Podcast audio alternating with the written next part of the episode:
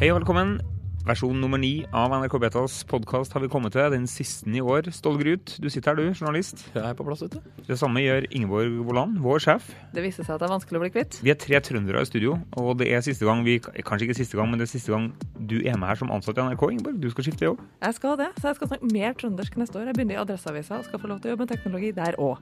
Vi skal i denne podkasten, som vi gjorde i den forrige, fortsette å oppsummere hva som har skjedd på teknologitrendefronten i 2015. Eller det vi egentlig bryr oss om av den fronten. Ja. Et nennsomt utvalg. Et nennsomt utvalg. Vi sitter jo her og lager podkast plutselig i NRK Beta-redaksjonslokalet òg. Og vi er ikke alene, for å si det sånn. Podkast ble plutselig buzzword igjen. Ja, absolutt. Skal, vi har jo litt forskjellige teorier om hvorfor det her tok av, men den, den Serial, serial, ja, roper Det er den uh, dominerende. Men uh, på grunn av at en samla mediebransje på en måte fikk øynene opp for at oh, her er det et populært format som, som ikke så mange har benytta seg av. Kanskje vi kan kaste oss inn i det og se om det kan gjøre et eller annet for oss. Eh, Men eh, ikke så mye penger i spill i norsk eh, podkastbransje. Vi, vi får i hvert fall ikke mer penger av det Og, og litt usikkert hvor mye lyttere i sving også. Ja, Altså, det, det er gjort en del målinger. Um, Ja, for tallene fra podkast får du jo på steintavla. Det er et ganske gammelt format. ja, og, det- og det beste vi ellers har, er om folk sjøl sier at de lytter til podkast. Mm. og der har det skjedd store utviklinger det siste året. Sånn type doblinger i antallet som sier at de bruker podkast og sånn. Men det er ifra veldig små tall. Mm. Eh, Så hvis vi kan si noen ting NRKs analysesjef sa vel her forleden, at det er vel på størrelse med Twitter Mm. Ja. i bruk i befolkninga. Mm. Så sånn 10-12-15% daglig ukentlige brukere. Samtidig så drar Norges største avis, VG, på med en ganske forseggjort podkast som heter For uløst. En krimpod. En krimpod, som de så fint kaller det. Eh, Birgitte Tengs-drapet, 20 år gammelt, eh, begynner å nøste opp i det. Litt sånn à la serial-inspirert, bare ikke helt likt. Mm. Eh, det, det betyr jo at det er noe, det er noe fart i det som vi ikke helt har skjedd før òg. Ja, det er det åpenbart. Eh, og, til og med NRKs relativt konservative analyseavdeling sier at det er bevegelse i det feltet her. Så jeg tror vi skal ta det for gitt at det skjer noen ting her. Eh, og at vi i mediebransjen er med på å drive det. Det tror jeg helt sikkert. Eh, det andre som driver det, er folks bruk av mobiltelefonen til å gjøre nesten alt. Mm. Det, Dette stadig tilbakevendende ja. mobiltelefonen. Men, men det jeg tenker er veldig interessant med det, da, at altså, med podkast som nå plutselig er mm, et litt mer sånn mediegjennomgripende fenomen du finner igjen på tvers av alle typer mediehus, så ser du mer innovasjon i lydbasert fortellerform enn du har gjort på ganske lenge. For podkast er ikke radio, eller? Nja, er det det? Det er det store spørsmålet. Fram til nå så har podkast vært radio fordi det har vært radioprogrammer som har blitt uh, klippet eh, ned til en podkast. Vår publisert. radioresepsjon er jo og, Og gjerne bare klippa musikken fra, for den har man ikke rettigheter til å ha i Ja, ikke sant. Så podkaster. litt sånn Ja. barbert radio, da. Mm. Mens eh, en podkast som, som det vokser opp nå, og sånn som en del har vært også, er jo på en måte bare altså, prat, sånn som vi gjør. Det er litt, sånn, litt mer sånn ja, behind the scenes er en måte, men også sånn som eh, VG nå har gjort mulig. Det er, er bare en sånn ren podkastproduksjon. Dette er et program som er laga for, for det her mediet, hvor du har på en måte en slags kontrakt med lytteren om at nå hører du fra, fra A til B. Det er ikke sånn at du kommer til å droppe ut og inn, eller vi må spille noe musikk, eller et eller annet sånt. Nei, altså, det som jo kanskje er spesielt med podkast, er at det får um, det her on demand-perspektivet på lyd, som du ikke har i tradisjonell radio. Vi er vant til å tenke på det i TV. Du går, og, du går på Netflix for å se en bestemt serie, eller du går i NRKs nett-TV for å se et bestemt program. Vi har ikke hatt det med lyd. Radio er en ekstremt lineær opplevelse. En ekstrem sånn flytopplevelse. Og så kommer det litt musikk, og så kommer det litt prat, og så kommer neste program. Og det er styrken til radio. Klassisk radio. Eh, Podkast sparker det litt bak, da. Fordi at du er nødt til å lage lydopplevelser som er så gode at du har lyst til å velge dem. Eh, og det er en forskjell. Du kan si at det er et mer krevende format, men det er også et mer uformelt format på veldig mange måter. Krasjer eller får uh, podkast enda mer fart i 2016? Jeg vil tro at det får eh, Eller jeg har overraska over farta det har fått, særlig her i Norge, da, på, på innholdssida. Det er jo vanvittig mange som nå tilbyr en podkast, og da gjenstår det å se om det her du får et realt oppsving i antallet som bruker det også. Men jeg tror at vi, vi på en måte har så vidt eh, kommet i gang nå i Norge på, for alvor med, med det her med altså, lyd, eh, som er litt enklere å produsere en video, men som, samtidig kan, kan eh, være veldig bra for historiefortelling. Enten om du driver med markedsføring eller allmennkringkasting, så er det liksom eh, veldig mange som, som har fått øynene opp for podkast, og det er ganske lett å, å, distribuere det og lage det. Så jeg, tror nok vi så vidt har, har sett starten. Jeg vil si at veldig mye av det er avhengig av hvor gode analysesystemer vi klarer å få på plass for hvor mange som bruker podkast. For det er hårreisende dårlig i dag. Og uten gode tall på hvor mange som hører podkasten din, så har du ikke noe å selge annonser på.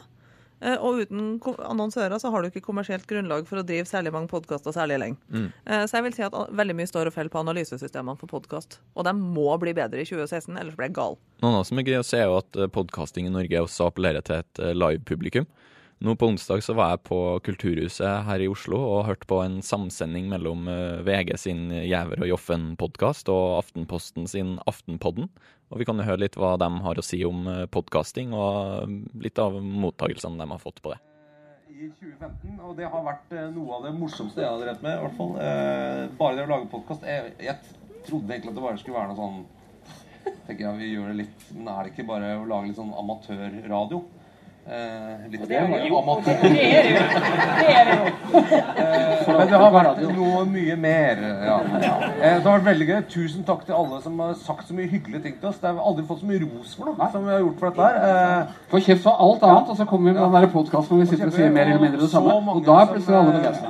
Og så mange som kommer, det var også faktisk veldig overraskende. Altså. Og vi må så, jo eh, ja. fra eh, etasjen under, fra det progressive miljøet bare si at dette er jo et lavterskeltilbud både for de som deltar og de som hører på. Så vi, vi fortsetter med det. Ja. Godt nyttår, alle sammen. Eh, takk for det. 2015 har bydd på noe helt spektakulært svære eh, hackingskandaler. Vi har hatt eh, Ashley Madison som kanskje største. Sony. Jeg tror du skal forklare hva alle herrene her betyr, men ja, de er ganske spektakulære. Ashley Madison, noen, noen var på et utronettsted og fikk navnene sine blåst. Ja, det er den eh, ekstremt uh, enkle utgaven. Men, uh, men, det er altså en uh, amerikansk datingside som har veldig mange brukere. som vi markedsfører seg mot Vi kan kalle det datingside. Ja, men de markedsfører seg mot dem som har lyst til å ha et utenom-ekteskapelig forhold, da, som er den presise oversettelsen. hvor noen hackere har kommet seg inn og stjålet absolutt alt av brukerinformasjon. La ut en beskjed på nettsida om at det her, det her vi syns det er forkastelig det dere driver med. Legg ned sida deres. Hvis ikke så publiserer vi alt rubbel og bit av brukerinformasjon dere har. Uh, Svært moralistiske hackere. Ja, for det var liksom ikke noe krav om løsepenger eller et eller annet sånt. Her er legg ned. Sånn en desist-greie, uh, altså. Men, uh, men, det endte jo med at de Eh, virka litt sånn på utsida. De ikke foretok seg ikke noen ting. De sendte ikke noe beskjed til brukerne om at eh, hei, hei, nå, nå, har det gått ganske dårlig for oss. Det var ingen sånne ting. Og så la de ikke ned sida heller. Så da, etter en tid, så publiserte uh, hackerne alt det her materialet åpent på nettet. Og da fikk du baluba? Ja. Da fikk du virkelig baluba. Ja, det, og selvfølgelig masse amerikanske kjente, eller relativt kjente, eller kategori C, det er F-kjente mennesker som plutselig ble eksponert, eh, eksponert som å ha hatt en konto her. Eh, mm. politikere, eh, TV-kjendiser. Mm. Så det er klart, det blir jo bråk når du blir ferska i å ha en profil på et sted som lar deg jukse litt i forholdet ditt. Eh, jeg hørte også på en podkast i går hvor det var ei som beskrev at det var noen som hadde på en måte stjålet identiteten hennes og laga en brukerkonto. For det, var, for det er også sånn her at eh, det var visstnok forferdelig mange botter innpå her. Det var veldig det var overvekt av menn da, som var, var interessert i å ha en, en, profil her, men det var veldig høy prosentandel av de kvinnelige brukerne viste seg å være altså roboter. Det var juks òg. Ja, ikke sant? Ikke så du har på en måte en slags sånn dobbel greie her da, som uh, har påvirka hele saken. Så, så den solgte egentlig ideen om at du skulle få ha deg litt på si? Ja, ikke ja. sant. Ja, god idé, men den solgte den. ja, det gikk som på en brød. Ja, det var ikke noe problem. Jo, men, men, det er jo den her type private detaljer. Det er jo det det gjerne har gått i i de her store uh, hackerangrepene i år. I tillegg så har Sony blitt hacka. Mm. De har uh, blitt uh, skikkelig hacka. Alle interne e-poster og alt mulig også blitt lekka der.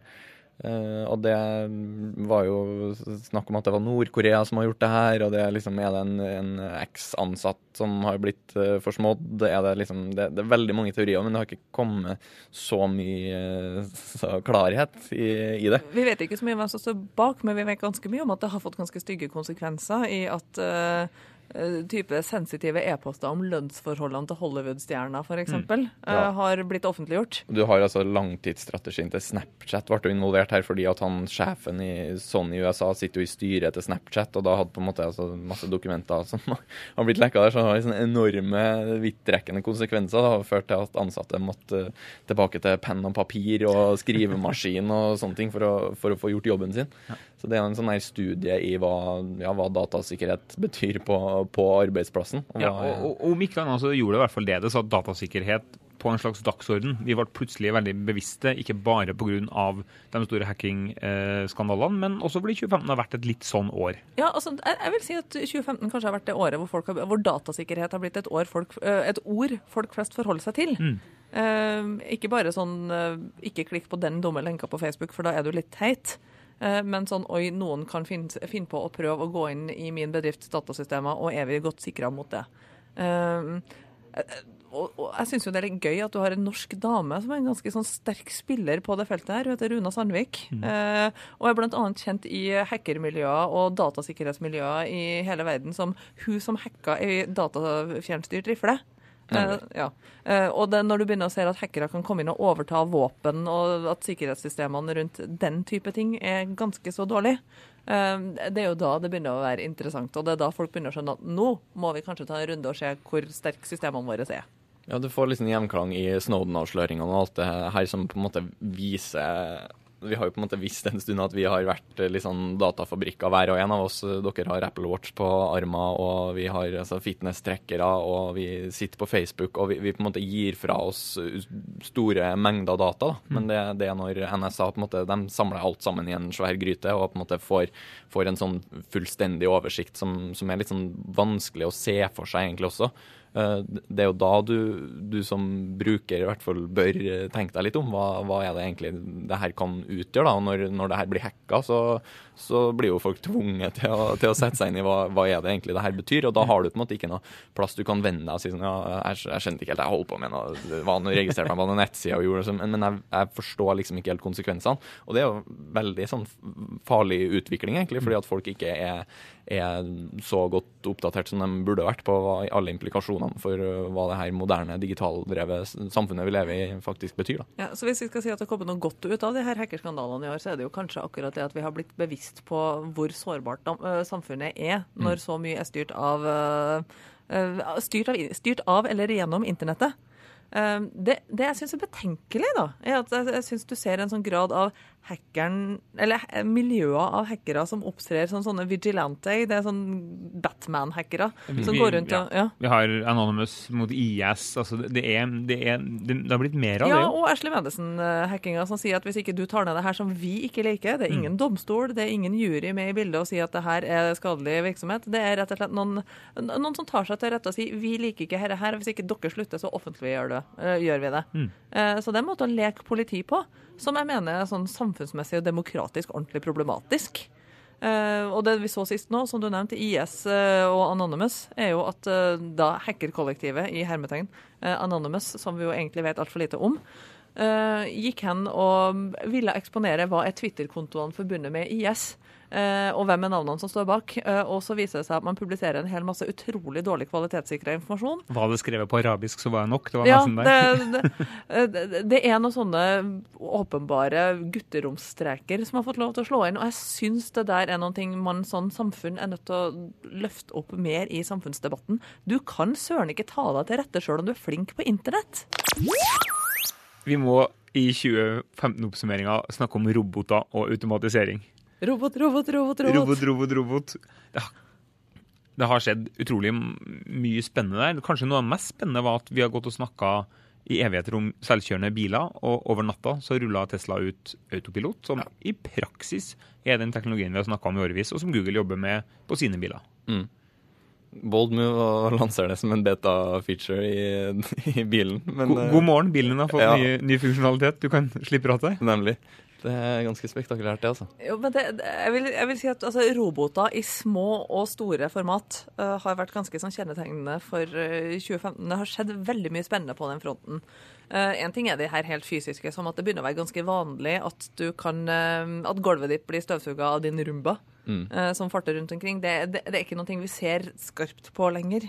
Uh, til at du begynner å se sånn type eh, Fra vårt fagfelt, da, media, journalistroboter som kan gå inn F.eks. la oss si nå som Kina har hatt problemer med utrolig høy luftforurensning, og det faktisk ikke anbefaler at du beveger deg utendørs.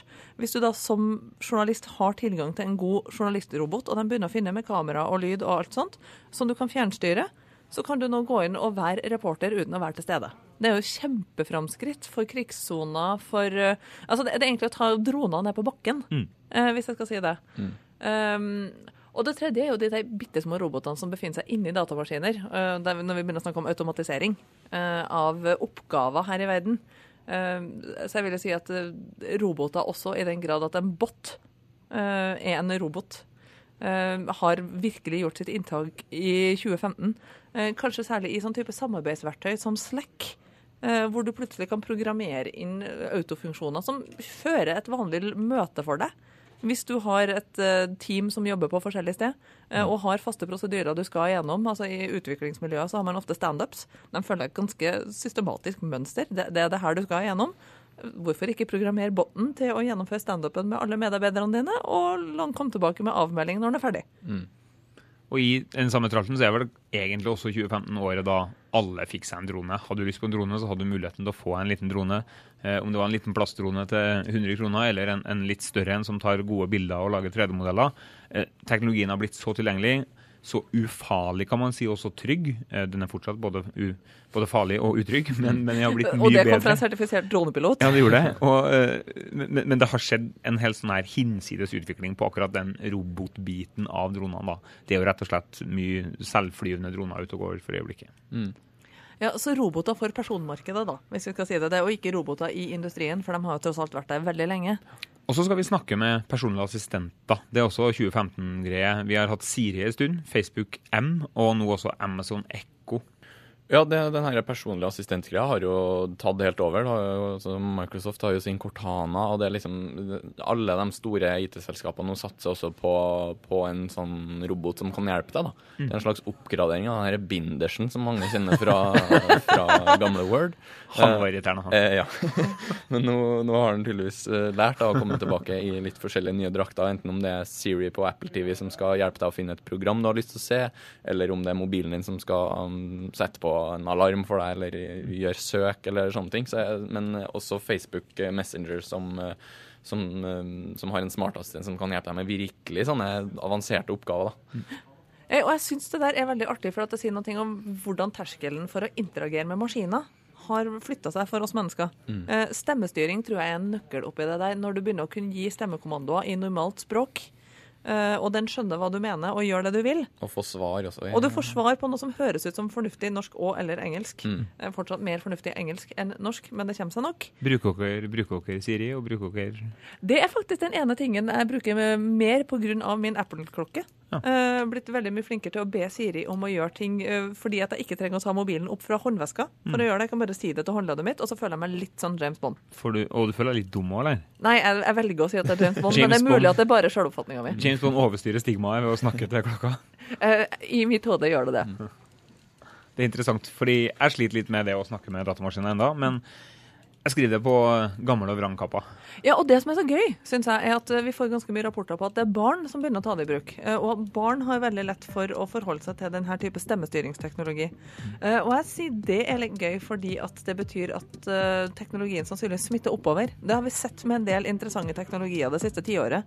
At det starter ned i barn- og ungdomssegmentet. Og særlig for unger som ikke kan skrive, så er dette en utrolig nyttig måte å bli mer kompetent i dataverdenen på. Tilgjengelighetsperspektivet er jo en åpenbar eh, vinner her. Ja, øh, med mindre du har problemer med tale, så er talestyrte roboter en veldig stor fordel.